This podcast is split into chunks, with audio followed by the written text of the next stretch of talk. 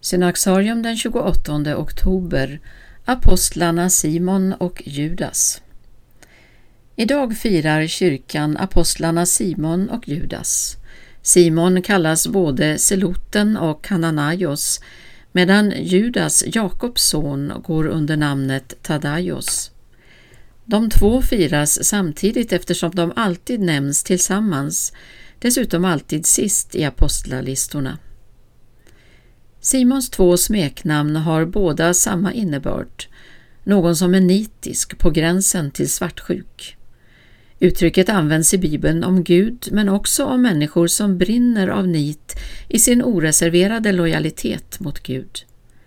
Det är inte osannolikt att Simon tillhörde den nationalistiska rörelse som kallades seloter och därmed hade en stark känsla för sin judiska identitet. Han var med andra ord så långt man kan komma från Matteus som gick i ok med ockupationsmakten och därför föraktades av nationalisterna. Vi påminns om hur Jesus kallade sina lärjungar bland människor som kom från vitt skilda sociala och religiösa sammanhang. Jesus var intresserad av människor, inte av sociala grupper eller etiketter. De människor han kallade levde sida vid sida, trots sina olikheter.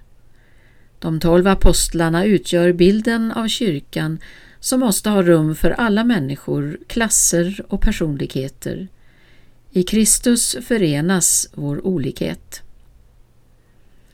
Även om Judas Tadaios är mycket lite känt, enda gången vi hör honom yttra sig är när han i Johannesevangeliet ställer frågan till Jesus Herre, hur kommer det sig att du ska visa dig för oss men inte för världen? Det är inte svårt att identifiera sig med Judas fråga.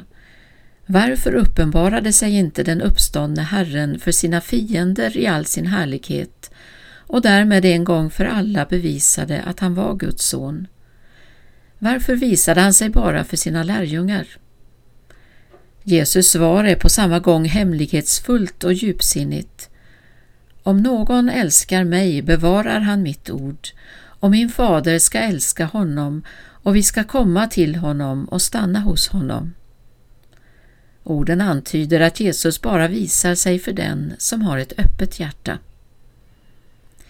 Judas tillskrivs också ett av breven i Nya testamentet, den epistel med ett enda kapitel som bär hans namn.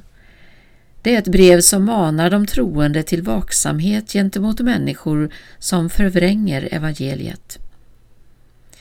I likhet med de arbetare som anställdes vid den elfte timmen fullföljde Simon och Judas sina uppdrag och vittnade om evangeliet intill slutet. Bägge slutade enligt traditionen som martyrer. Judas lär ha blivit korsfäst i Persien efter att ha evangeliserat i Egypten och Mauritius och Simon ska ha dött i Persien sedan han predikat i Samarien, Syrien, Mesopotamien och Indien.